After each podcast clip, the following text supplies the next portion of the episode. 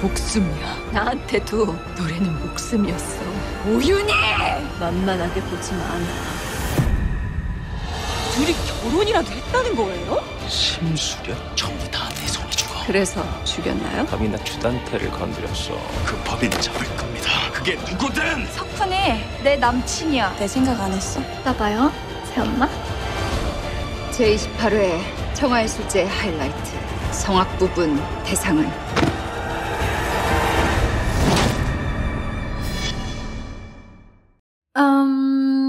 udah nggak bisa ngomong ya kayaknya sama drama ini.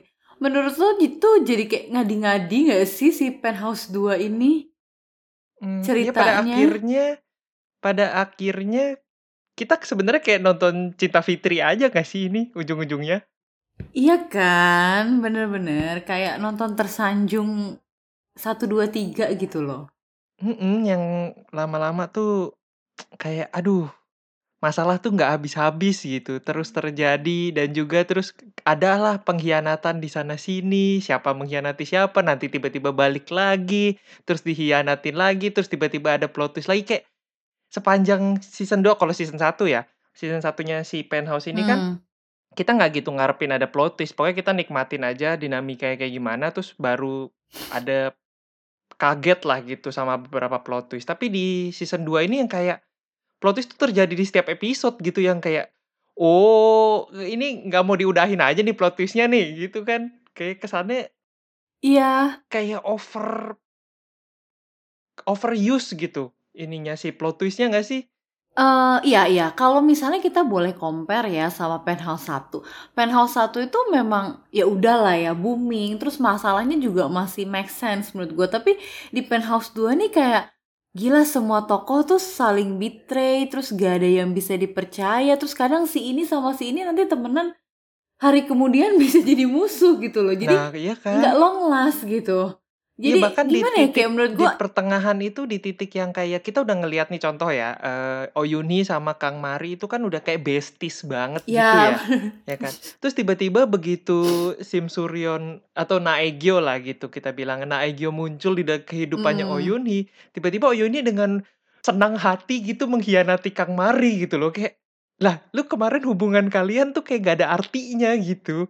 Buat apa Dan lu tuh, gue kan sempet eh, kayak ngobrol sama lu kan, karena gue tuh cukup berekspektasi, gue bilang, waduh jangan sampai Kang Mari nih eh, mengkhianati Yunhee dan sebaliknya gitu, karena gue suka sama kedekatan persahabatan mereka. Ternyata dong, ekspektasi gue dipatahkan di episode-episode akhir. Tuh gila tau episode akhir tuh kayak dua tiga episode terakhir tuh yang bener-bener kita tuh kayak sia-sia gitu loh nonton 9 episode pertama gitu. Iya, yang kita dikasih begitu dramatisnya kepergian dari Bayrona yang ujung-ujungnya nggak ada artinya gitu di akhir kayak buat apa? Terus yang kayak apa ya, yang Chon Sojin tuh sudah segila itu mempertahankan Em- Eunbyul ya kan. Maksudnya bener-bener anak gue tuh nggak boleh ketahuan polisi dan sebagainya as a kriminal. Tapi ternyata Beronanya hidup. Lo ngerasa lawak gak sih hidup lo kalau jadi Chon Sojin atau Ha Eunbyul? iya anjir yang bahkan gue sih paling ngerasa lawak terjadi di Hayoncul nggak sih Kenapa? yang kayak dia udah berkorban mengorbankan hidupnya demi Haembyul ngaku kalau dia pembunuhnya masuk penjara terus dapet informasi kalau dia ternyata ayah kandungnya Bayrona terus dia udah sakit hati sedemikian rupa karena berpikir dia ngebunuh anak kandungnya yang tidak pernah dia kenal. Hmm, tuh ujung-ujungnya Bayronanya hidup. Pas semua perasaan apa campur aduk yang dirasain Hayuncul di penjara tuh akhirnya ya kan nggak perlu terjadi gitu. Ya sia-sia gitu loh menurut gue. Udah kayak, tapi Hayeon juga menurut gue karakter yang karakter developmentnya paling tolol sih, paling ngeselin. Gue tuh cukup ekspektasi tinggi ya di awal dia sama Oh Yoon Hee, terus sama Baron tuh udah kayak happy Hmm, family gitu kan, dengan foto-foto pre-wed dan weddingnya tuh yang sangat ya Allah gitu kan, apa kayak Hmm, seru ini banget gitu, romantis banget. Terus kayak hmm, tiba-tiba dia demi Ha Eun Bio maulah ke Chon Sojin kayak lu tuh cowok gak ada otak apa gak ada apa sih kayak kalau gak ada kalau ini gitu loh masalah- gak ada keputusan. Kalau masalah maksudnya di pada saat apa eh, kompetisi nyanyi itu ya dia Hmm. mengorbankan segala cara untuk membuat Ha Eun-byul happy, gue sih mengerti Mhm. gitu posisinya Ha Yeon-chul karena kan ini anak tiri versus anak kandung gitu kan. Anak kandungnya juga yang Hmm. selama mungkin anggapannya berapa itu berapa tahun ya? 16 tahun, 17 tahun, satu-satunya anak yang dimiliki oleh Ha Yeon-chul gitu. Sementara Verona ini kan paling baru berapa tahun ya, maksudnya attachment-nya mereka Hmm. gitu. Jadi pasti secara comparison juga pasti Ha Eun-byul pasti menang lah anggapannya di hatinya si Ha Yeon-chul gitu. Terutama Ha Yeon-chul juga tahu Ha Eun-byul ini kondisinya broken gitu loh. Dia lagi guci rusak lah gitu. Karena eh udah punya masalah mental, ya terus punya apa terganggu lah gitu pokoknya kondisi kehidupannya dia gitu. Jadi kalau memang dia dapat grand prize itu bisa membuat dia happy, ya gue sih kalau jadi Ha Yeon-chul gue juga pasti bela-belain gitu. Untuk Eun-byul tetap menang sih. Nah, tapi ngomong-ngomongin grand prize atau kayak situasi Penthouse season 2 ini ya, kalau lu lebih kasihan sama Eun-byul atau lebih kasihan sama Rona? Enggak dua-duanya. Oh, sulit ya gue soalnya. ujung-ujungnya ya Karena ada plus minus. kesimpulannya itu ujung-ujungnya gue kasihan sama ini secara keseluruhan ya kita nggak gue nggak ngomongin soal grand prize ya Eh, secara keseluruhan season 2 iya, ini iya, iya. gue ujung-ujungnya paling kasihan sama Sokyung Kenapa? karena terbukti gitu loh akhirnya teori konspirasi dari season 1 sampai season 2 ini sampai di titik dia ketemu sama maksudnya dia tahu kalau Sim Suryon itu masih hidup itu adalah ya ini Hmm. anak bego aja gitu dia Karena salah asuh aja nggak sih tapi sebenarnya tapi dia mah? buktinya Sokhun nggak jadi begitu Oh. itu hanya terjadi Sokyong gitu. Maksudnya nih anak tuh kayak yang bener-bener purely naif yang pokoknya apa pun yang menurut dia A ya pasti A yang terjadi. Yang kayak contoh misalkan dia percaya Oh Yun Hee adalah yang membunuh si Sim Suryon gitu kan. Hmm, sampai Sokhun ngomong apa pun tuh dia tetap kekeh gitu loh. Pokoknya buat gua Oh Yun Hee pembunuhnya gitu. Padahal kan kalau Sokhun gitu masih mikir ada opsi dua opsi tiga mungkin ada kemungkinan lain mungkin ada Hmm. kemungkinan si Judante pembunuhnya gitu tapi Mm-mm. kalau Sokyun tuh enggak gitu jadi memang anak blow on aja gitu dari awal sampai akhir dan itu terbukti gitu begitu semua teorinya dia yang ada di kepala dia tuh dibuktikan salah sama drama ini Soalnya tuh di pas episode akhir karakter developmentnya tuh turn out jadi baik banget ya. Kayak ih cepet Iya. amat nih gue bilang kayak apa karena episodenya udah menjelang akhir atau kayak pokoknya tiba-tiba lu jadi baik aja dia gitu loh sama si Rona. Ya itu menurut gua sih karena pertemuan dia sama Sim Suryon yang di rumah sakit itu tuh kayak jadi eye opening gitu loh buat Sokyong Hmm. kalau selama ini tuh pemikiran dia terhadap siapa yang jahat, siapa yang baik, terus siapa yang hatinya busuk dan segala macam, siapa yang bisa diandelin tuh ternyata semua salah gitu. Jadi dia mungkin selama ini terlalu rigid atau terlalu kaku yang bikin ya ujung-ujungnya melakukan kebodohan yang seharusnya tidak perlu gitu. Iya sih, tapi emang di season 2 ini tuh apa ya? Ya itu ya, turns out karakternya tuh jadi tiba-tiba dalam satu episode ada yang baik ke jahat, jahat ke baik. Kayak gue sih sangat menyayangkan ini sih sebenarnya eh, selain si Oh Yoon Hee sama Kang Mari itu si Berona sama Jenny yang kayaknya tuh udah Iya. juga basis banget terus tiba-tiba di akhir Rusak ya. ya gitu loh kayak Ih, capek Iya. banget gue berharap dari eh, episode awal ya terus ditumpahkan Iya, lah sama gitu. writernya Kayak- gitu loh. kayak buat apa gitu kan si Mm-mm. apa skripnya tuh membuat di awal tuh bahkan Jenny yang nge-reach ke Rona duluan Iya. gitu loh. Jenny yang sampai datang ke apa yang sidang eh bukan sidang kayak rapat yang untuk memutuskan Rona dikeluarin atau enggak kan Mm. Jenny tuh yang datang ngelaporin kalau bener loh ini mereka tuh yang ngebully gitu gitu Mm-mm. kan. Terus buat apa sih itu kalau ujung-ujungnya Jenny tetap benci gitu sama Rona. Sam balik lagi seperti season pertama buat apa Tapi gitu. tapi gue ngerasa dia sebenarnya nggak gimana ya. Kayaknya dia juga pergumulan batin gitu sih pas si Jenny itu kayak antara ya sebenarnya dia udah gue anggap temen nih si Rona tapi ya karena orang tua orang tuanya si mereka aja sih yang nggak ada otaknya itu loh jadi Ya ini memang kalau lu lihat ya, susah gitu loh ngerti nggak sih semua kayak dia juga bingung sebenarnya semua anak-anak ini ya, anak-anak terutama si klub ini kan, itu tuh semua adalah korban tindakan orang tua kecuali Min Hyuk menurut gua.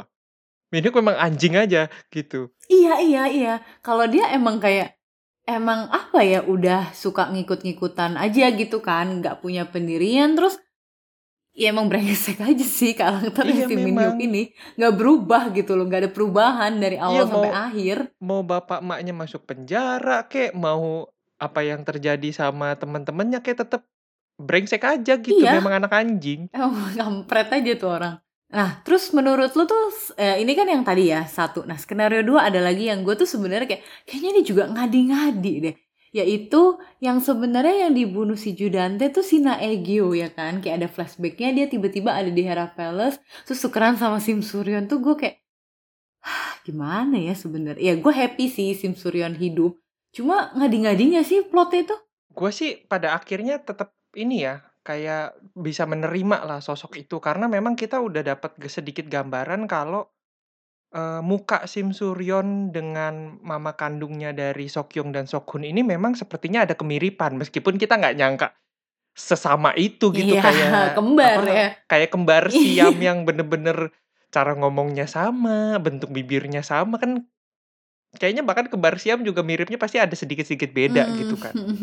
Ya ini tuh ya kita memang nggak nyangka gitu tapi kan kita sudah tahu sepertinya memang ada hubungan antara Sim Suryon dengan si eh apa mama kandungnya si kembar ini kan. Hmm. meskipun kita tetap nggak ini ya nggak tetap tetap nggak dijelaskan maksudnya sebenarnya si Judante sama Naegyo ini hubungannya seperti apa sih dari dulunya itu? Maksudnya kenapa si Naegyo ini bisa punya wajah sesama itu sama Sim Suryon gitu loh. Dan selama Sim Suryon itu mengkhianati dia pergi menikah dengan orang lain di Amerika, kenapa Naegyo tuh bisa menggantikan posisi Sim Suryon segala macam gitu-gitulah itu tuh masih belum terjawab menurut gua historical backgroundnya. Cuma ya masalah pertukaran itu tuh ya jadi jelas kalau buat gua sih masalah kenapa si yang apa Sim Suryon itu masih hidup dan eh, yang mati itu ujung-ujungnya Naegyo tuh akhirnya jadi terjawab semua pertanyaan yang ada di kepala gua aja sih gitu jadi ya gue bisa menerima teori itu sebenarnya Nah selain yang lu bilang tadi tidak terjawab, ada satu lagi sebenarnya yang jadi concern gue. Kenapa dia selalu bilang, apa gue hidup selama dua tahun menjadi Sim Suryon? Dia bilang gitu kan ya ceritanya kan. Mm-mm. ya kan karena nah, ini itu tuh gue gue nggak ngerti tuh maksudnya apa. eh, ini kan jadi Sim Suryon itu kan dia per kabur eh, apa namanya eh, kabur dari Judante ke Amerika sama ini kalau ini ya spekulasinya gua ya asumsinya gua Mhm, Sim mhm, Suryon mhm. kabur dari Judante ke Amerika, nikah sama suaminya itu yang sampai dia Mm-mm. hamil, itu tuh kayaknya Mm-mm. rentangnya tuh sekitar 2 tahun.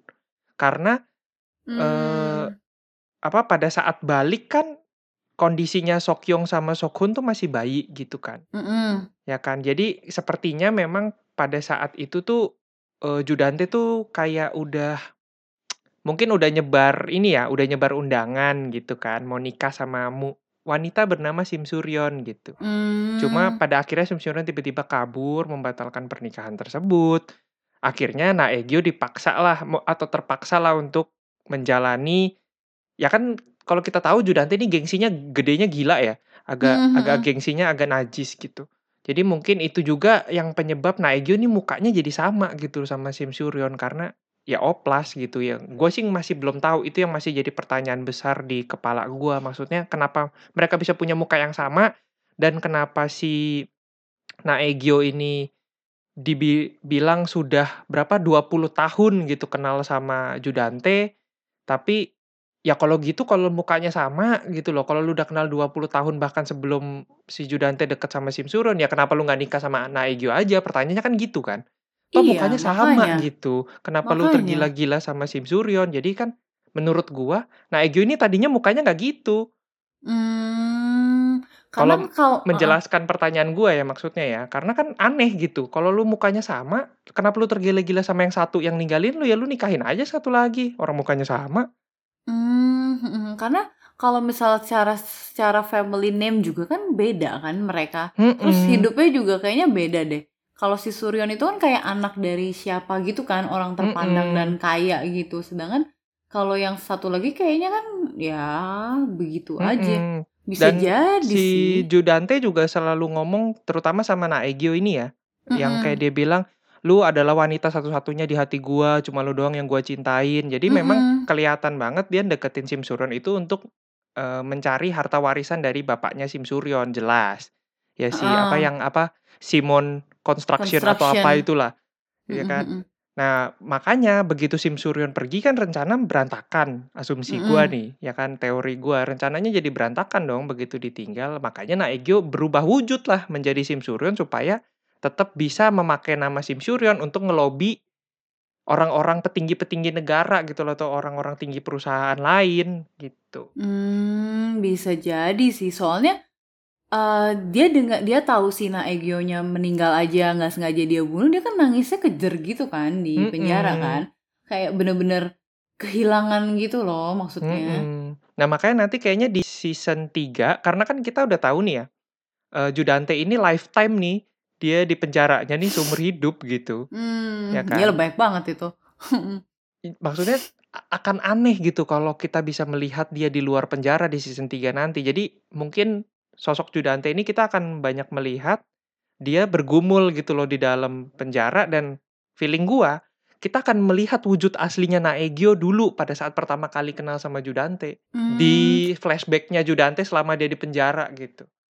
Karena kemarin itu flashbacknya tuh kayak masih dikit kan, yang Mm-mm. 25 tahun ke belakang. Nah itu belum terjawab. Terus kalau feeling gue lagi di season 3 kayaknya bapaknya Jenny tuh bakalan jadi Punya role tangan besar kanannya ya. Judante deh iya dan gue tuh kayak lebih ngeri karena kan sekarang turns out si Jenny itu jadi musuhnya Rona dan Mm-mm. eh, kembar dan juga Suryon mm-mm. dan Oh Yun Hee kan yang tadinya gue berharap bapaknya tuh keluar pas eh, mereka tuh masih jadi besties tapi sekarang Bener, malah bener. jadi terus malah jadi kayak ya gimana ya mana eh, vibesnya si aktornya kan emang villain banget kan jadi dapat gitu loh kengeriannya Nah itu juga makanya jadinya yang kita tunggu-tunggu ya maksudnya kemunculan dari ayahnya Jenny ini kita tunggu-tunggu sebenarnya sudah kayaknya udah dari pertengahan season gitu loh dari episode 6, episode Mm-mm. 7 gitu kan.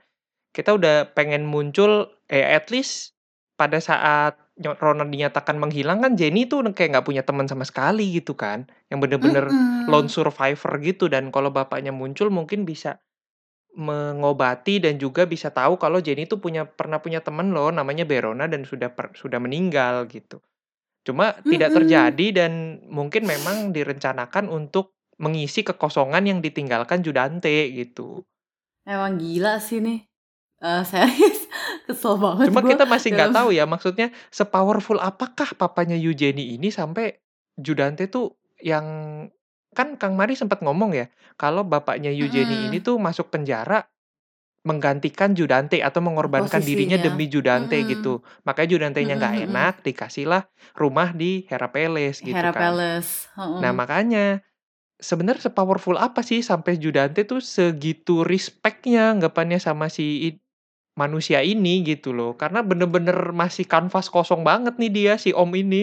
Iya kan dia keluarnya juga episode terakhir banget kan maksudnya. Jadi Mm-mm. kayaknya memang peran dia nanti di season 3 itu bakalan cukup dominan sih. Sementara Mm-mm. kan eh, member Hera Club kan juga udah pada di penjara kan. Which is kayaknya Bener, udah nggak punya power anyway gitu loh. Bener, dengan bener, bukti bener. yang se apa ya buktinya kan se- sespesifik itu kan maksudnya kayaknya Mm-mm, mm-mm. udahlah gitu netizen juga kayaknya udah nggak percaya gitu Mm-mm. tapi ya dan dan udah nggak mungkin juga eh, kan. Maksudnya kalau mm-mm. tiba-tiba m- si member Hera Palace ini berkeliaran di luar di season 3 yang kayak aneh gitu. Ya mungkin ada yang cuma setahun dua tahun nanti udah keluar sih. Iya, cuman yang core-nya kan sebenarnya tuh dipegang sama Judante sama Chon Sojin kan. Mm-mm. Bener. Nah, cuma apa namanya? eh tapi berarti jadi menarik ya menurut gua untuk season 3 ini karena hampir semuanya kepala-kepalanya ada di penjara gitu loh. Sementara sisanya kan tinggal kroco-kroco doang yang kita nggak tahu Lee Kyujin bisa apa gitu kalau nggak ada Judante. Iya, makanya. Eh, tapi tuh waktu di pertengahan season 2 ya gue sempet berpikir wah gila ini masalahnya semakin kompleks terus bahkan masalah pembunuhan si Sol aja yang di season 1 tuh kayak belum tersolve gitu Mm-mm. kan jadi kayak ini lagi. gimana gimana gitu Heeh, maksud gue wah gimana nih apakah jangan-jangan yang di season 1 malah udah dilupain gitu kan wah nggak nggak bagus dong maksudnya jadi gim apa ya gimana nih benang merah jahitannya kan Mm-mm. ternyata bisa juga ya Mhm. dijahit sama Ya writernya bahkan CGI CGI akhir-akhir ampas itu muncul lagi ya. kok demi menjahit Iya demi kan. menjahit cerita itu kembali gitu. Ngomong-ngomong soal CGI, yang terakhir banget yang waktu Sim Suryon naik ke lantai 100 yang paling Sama akhir masih nasib yang dia akhirnya masuk juga ke kan. itu gue kayak come on man lu udah season 2 lu udah rating tinggi masih ya CGI-nya kayak episode 1 bahkan kayak menurut gue lebih burik Iya, iya yang kayak sampah CGI yang banget dipaksakan aja gitu ada di situ. Aduh. terus maksud gue yang kayak pas liftnya naik tuh zrut gitu tuh kayak Aduh gitu kan yang kayak oke aduh ini kayak gitu. ker- iya kayak cringe banget Iya, iya. jir nontonnya kayak bisa nggak dia nggak usah di apa maksudnya nggak usah dilihatin Mm, mm, naiknya mm, mm. ya naiknya biasa aja gitu nggak usah kayak gitu kesel saya lihat Cuma ada satu ini ya, ada satu karakter yang sebenarnya gue masih berharap dia tuh masih punya role cukup penting di season 3 gitu. Karena dia di season 2 ini baru Siapa tuh? keluar sebentar dan kita kayaknya dia penting tapi abis itu selesai gitu loh kayak di langsung diakhiri yaitu adalah Gamotak bukan Jung Jung Oh, Doman ya. Oh iya dong. Iya iya iya bener-bener gue tadi mau Tapi kan kalau lu lihat dia udah selesai gitu karena dia udah ngebongkar semua itunya Judante dan dia juga mengakui kalau dia tuh ada main gitu loh, ada nepotisme gitu sama Judante. Mm-mm-mm. Akhirnya dia bisa menangkap pro jahat level 10 kali ya di Hera Palace itu Iya. semua. Nah, makanya cuma kan kalau ngelihat dari perkembangannya kayaknya dia selesai gitu kan karena sepertinya dia akan dihukum lagi kalau dan kalau di penjara ya menurut gue sih kayaknya nggak punya power yang segitu gimana ya. Makanya aneh gitu Hmm. maksudnya gue sih berharap dia maksudnya dia kan sosok penting banget nih da- di skenario big plan-nya si Judante sama Naegyo kan sebenarnya. Mm-mm. Kalau dia dimatiin segitunya gue berharapnya dia tuh bisa menjadi kayak jembatan untuk menjelaskan Naegyo nih sebenarnya orangnya kayak apa sih pada saat dia pertama kali kenal gitu. Eh, tapi tapi kayaknya dia cuma emang selesai sampai di sini deh kalau kata gue sih ya. Iya, kayaknya sih Bener-bener gue uh-uh, gitu. bener-bener buat jembatan masukin Judante ke penjara aja sih kalau menurut Mm, gue. mm, mm. Kayaknya perannya Hmm. ud- ya nggak ada lagi ya kalau di season 3 kayaknya udah gitu powernya abis sampai di situ. Iya. Jadi memang sepertinya sosok misterius hanya ada di ini ya, di ayahnya Jenny sama yang ketemu di pesawat sama Logan itu. Siapa Menurut Alex gue dia pasti ya? punya eh nggak tahu gue namanya siapa. Alex Lee apa Alex Lee deh kayaknya waktu itu kayak si Logan sempat ngomong gitu kok. Itu tapi kayaknya baru mereka baru kenal kan, bukan ini kan? Oh itu bukan saudara Bu- gitu. Abis kalau nggak masa dia tiba-tiba pergi, dia seakan-akan tahu loh maksudnya apa yang akan terjadi sama Logan terus yang sosok pada saat dia pergi dari mobil itu tuh kayak sosoknya misterius banget yang kayak dia tahu something bad will happen gitu. Hmm, kalau gue gue belum tahu sih, maksudnya belum ngukur ya dia tuh kayak gimana. Cuman ya biasa bis- bisa bisanya aja kali writer kalau udah mau ada dimatiin orang kayak pura-pura lah nanti ini gitu sih kalau bayangan gue tapi nggak tahu juga ya. Terus Logan mana munculnya irit-irit mati pula kesel banget gue. Iya, dia dia nggak ada kepentingan untuk muncul banyak-banyak sih, karena kan dia memang sebenarnya jadi apa backingan yang powerful aja gitu kan. Sementara selama orang-orang Hera Palace ini nggak butuh backingan, sebenarnya Logan tuh kayak nggak mungkin muncul gitu. Iya sih, tapi dia tuh ceritanya jadi cinlok dong sama Suryon ya di akhir-akhir. Ya memang, ya kan Hmm. memang jadinya kalau kalau kita ngelihat dari sudut pandang Min Sol An ya, kalau dia masih hidup kan jadinya kakakku kakak tiriku. apa eh kakak tiriku jatuh cinta Dengan- dengan ibuku gitu Jadi kan. kayak FTV Kakak tiriku Indosiar adalah ya. pacar ibuku gitu kan. iya, jadi kayak FTV Indosiar ya, karena Iya kelamaan berdua mereka gitu. Mm-mm. Cuma menurut gue nih ada satu kayak gini loh. Aduh sebenarnya season 2 ini udah bisa di ending gak sih pak? Dari eh, dia orang udah ke penjara, terus udah gitu ya udah udah tuh endingnya happy ending gitu. Tapi dipanjang-panjangin lah, keluar si ini, keluar si itu gitu gak sih? Tapi memang masih ada banyak pertanyaan yang belum dijawab kan maksudnya di sini gitu. Menurut gua salah satunya di papanya Jenny yang dari awal tuh selalu digembar-gemborkan dan disebut-sebutkan tapi sampai ternyata bener-bener kita baru lihat sosok aslinya itu bener-bener di season eh di season 2 episode akhir banget gitu.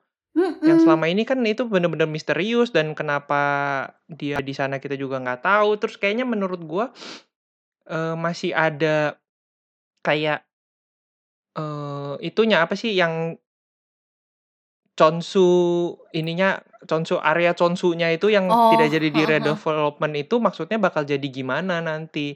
Karena itu kan sepertinya area yang bener-bener diperebutkan sama Sim Suryeon dan Judante dari season 1. Hmm. Maksudnya Sim Hmm. Suryeon itu bahkan yang kayak rela gua gua kerja deh di situ di apa Giacomo Furniture itu kan. iya. Iya, maksudnya dia bela-belain dia mau kerja demi mempertahankan tanah itu kan dari Judante supaya tanahnya Hyein yang ada di sana tuh nggak diambil sama Judante gitu. Itu maksudnya kenapa se Hmm. precious itu sih ta- tanah itu toh juga redevelopmentnya juga ternyata pakai nepotisme gitu. Jadi bukan area yang bener-bener mau di redevelop. Makanya itu menurut gua kenapa tanah itu segitu pentingnya itu yang itu masih jadi pertanyaan gua sih. Iya sih sama kalau gue tuh penasaran banget sama masa lalunya Judante sih. Yang maksudnya Mm-mm, background mm-mm. family-nya sama ya gimana kenapa dia bisa ketemu si Egyo terus ya ya Iya, itunya sih itu- itu masih terutama. belum belum benar-benar terjawab ya. Secara kalau yang lain kan memang udah sering ya flashback masa lalunya gitu loh. Jadi gue masih penasaran banget terus kenapa dia bisa sampai sesikopat itu walaupun ya eh gue tangkep eh, ya walaupun dengan psikopat gitu dia sebenarnya tuh punya apa ya bisnis mindset yang bagus sih cuman Iya, iya Ya, sebenarnya bisnis jago loh ngelobi orang. loh.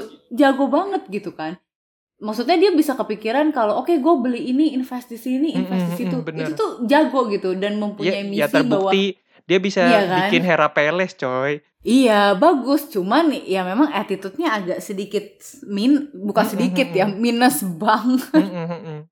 Ya kan memang sebenarnya dari season 1 kita udah mempertanyakan ya maksudnya soal kenapa si Judante ini memaksakan the twins ini tuh harus punya ibu gitu di luar Sim Suryon pada saat Sim Suryon pergi gitu kan.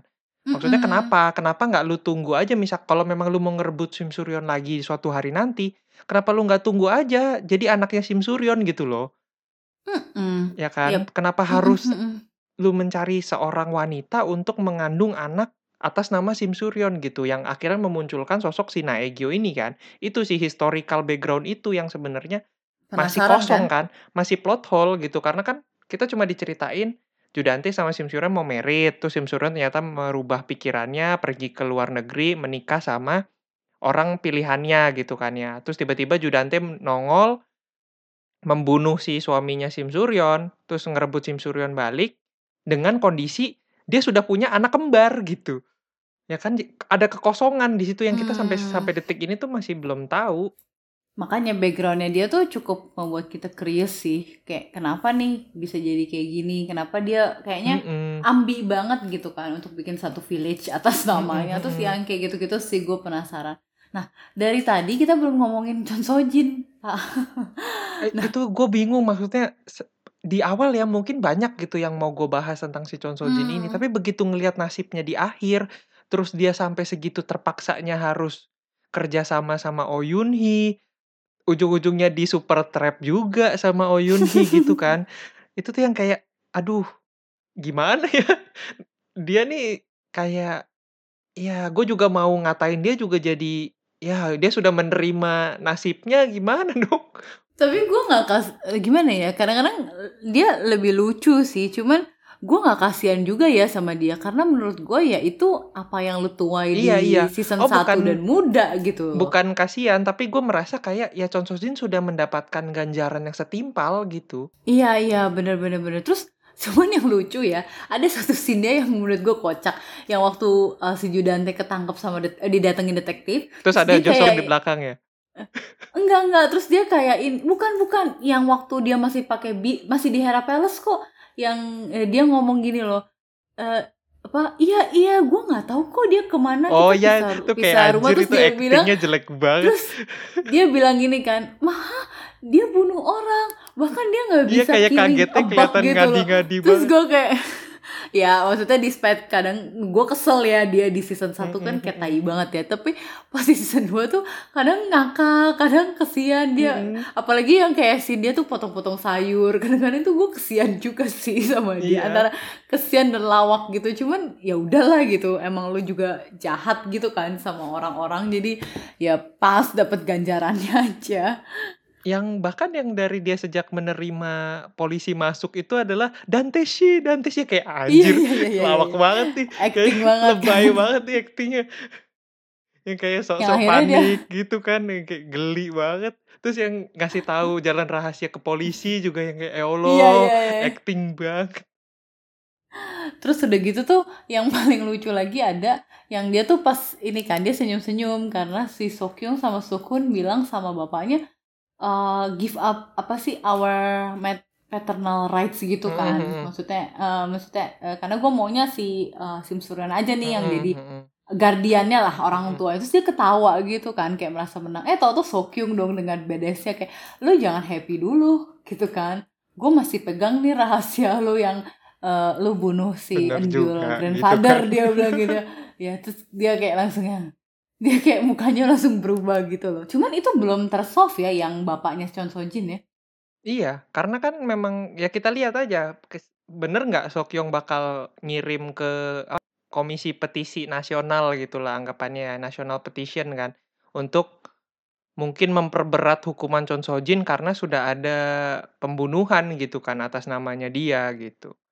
Yang ya itu sih masih kita lihat mau diapakan itu bukti itu sama Ju Sokyong gitu.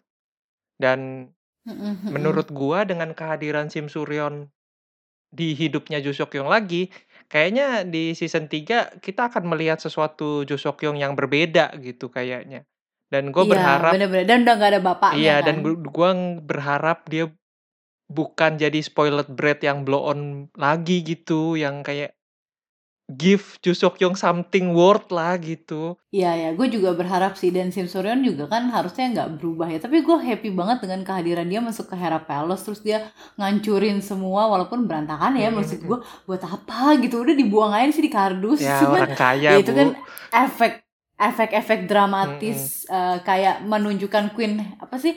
Ya Hera Mm, mm, gitu mm, kan. Hera gitu. As a Hera Dewi Hera gitu nah terus yang lucunya bukan lucu sih kayak yang creepy-nya lagi gue masih penasaran sama yang susternya suster yang susternya Han Biol itu loh kayak lama-lama kok makin obses ya sama Mm, mm, mm, Han mm. Biol Itu ya. juga gue mikir kenapa tiba-tiba dia segini.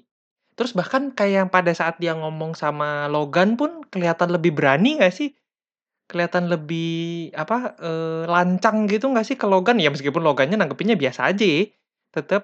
Tapi Mm-mm. kelihatannya dia lebih lancang gitu loh, yang dibandingin yang dulu yang kelihatannya kelihat anak buah banget. Sekarang tuh kelihatannya dia udah merasa dia lebih punya power.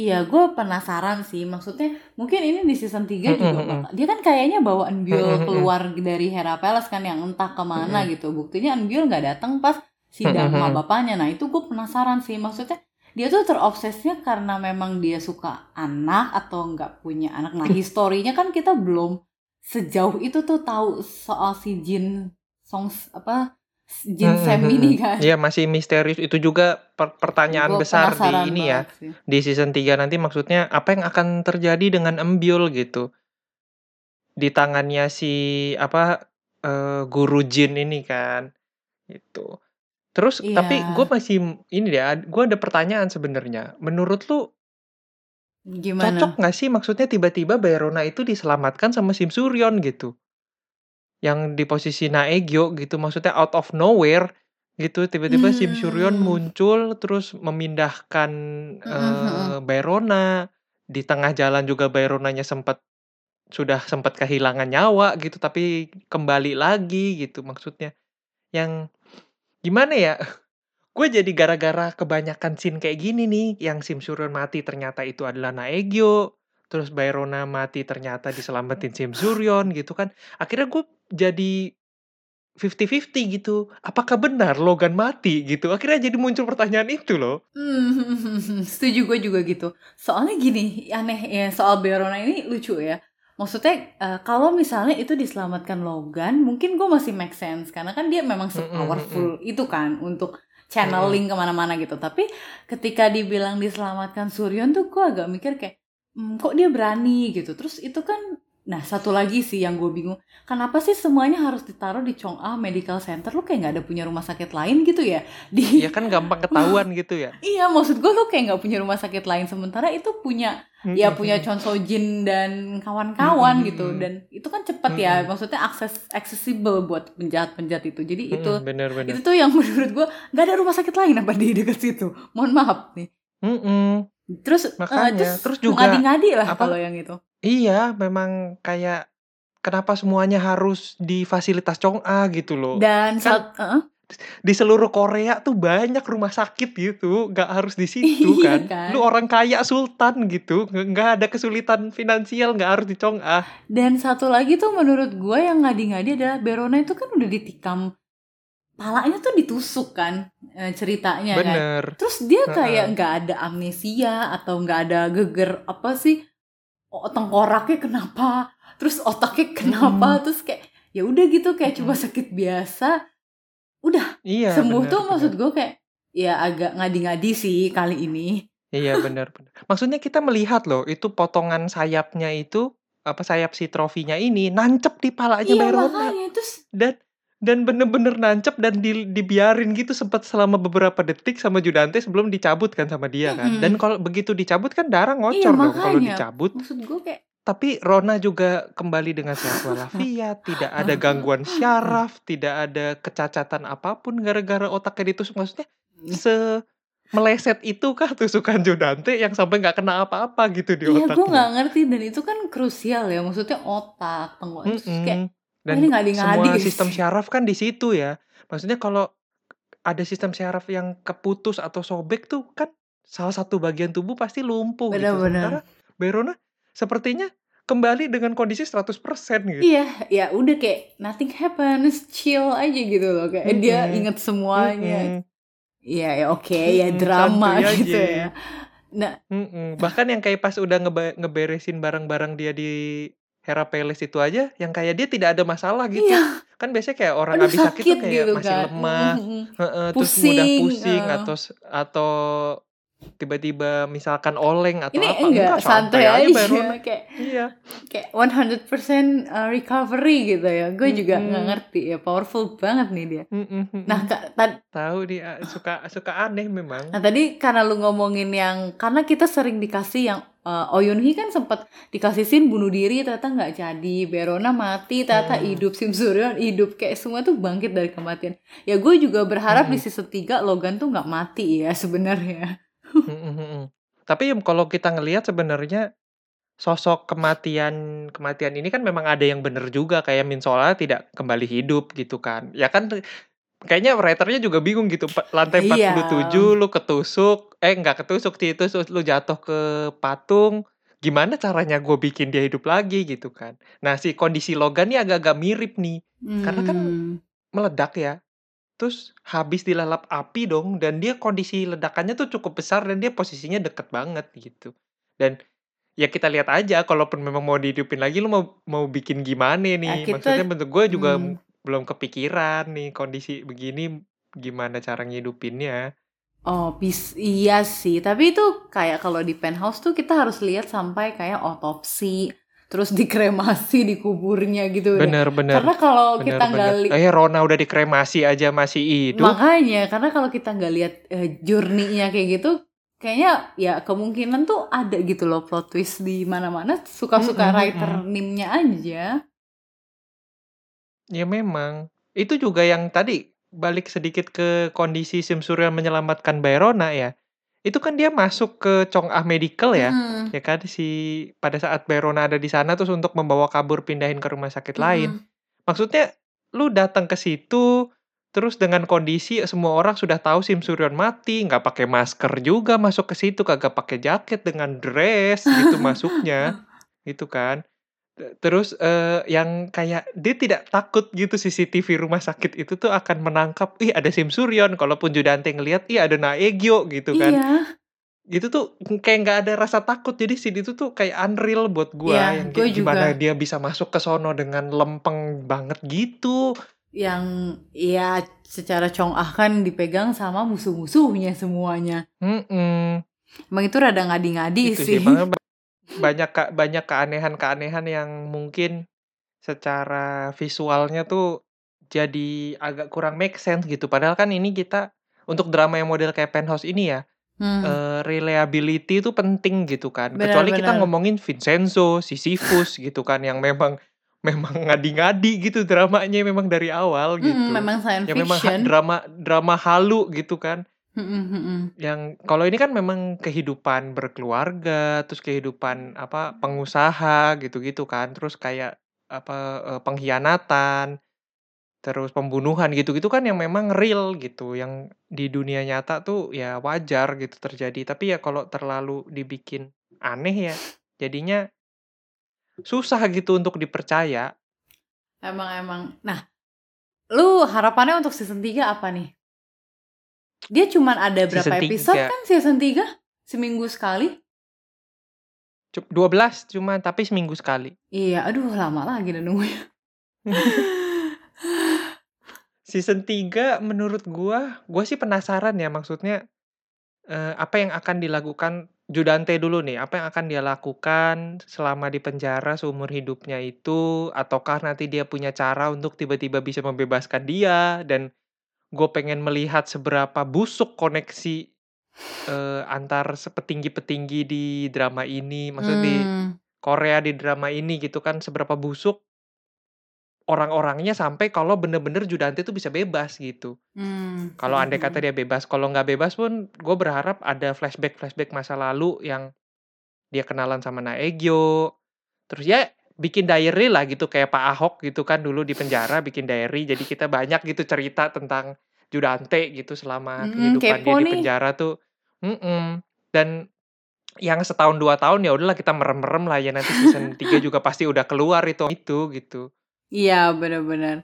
Eh, terus sama sa- mungkin gue penasaran sama nasib sekretaris-sekretarisnya mereka ya. Gimana Ya tuh iya nasibnya? iya iya. Meskipun sekretarisnya Judante mah aman terus ya. ya.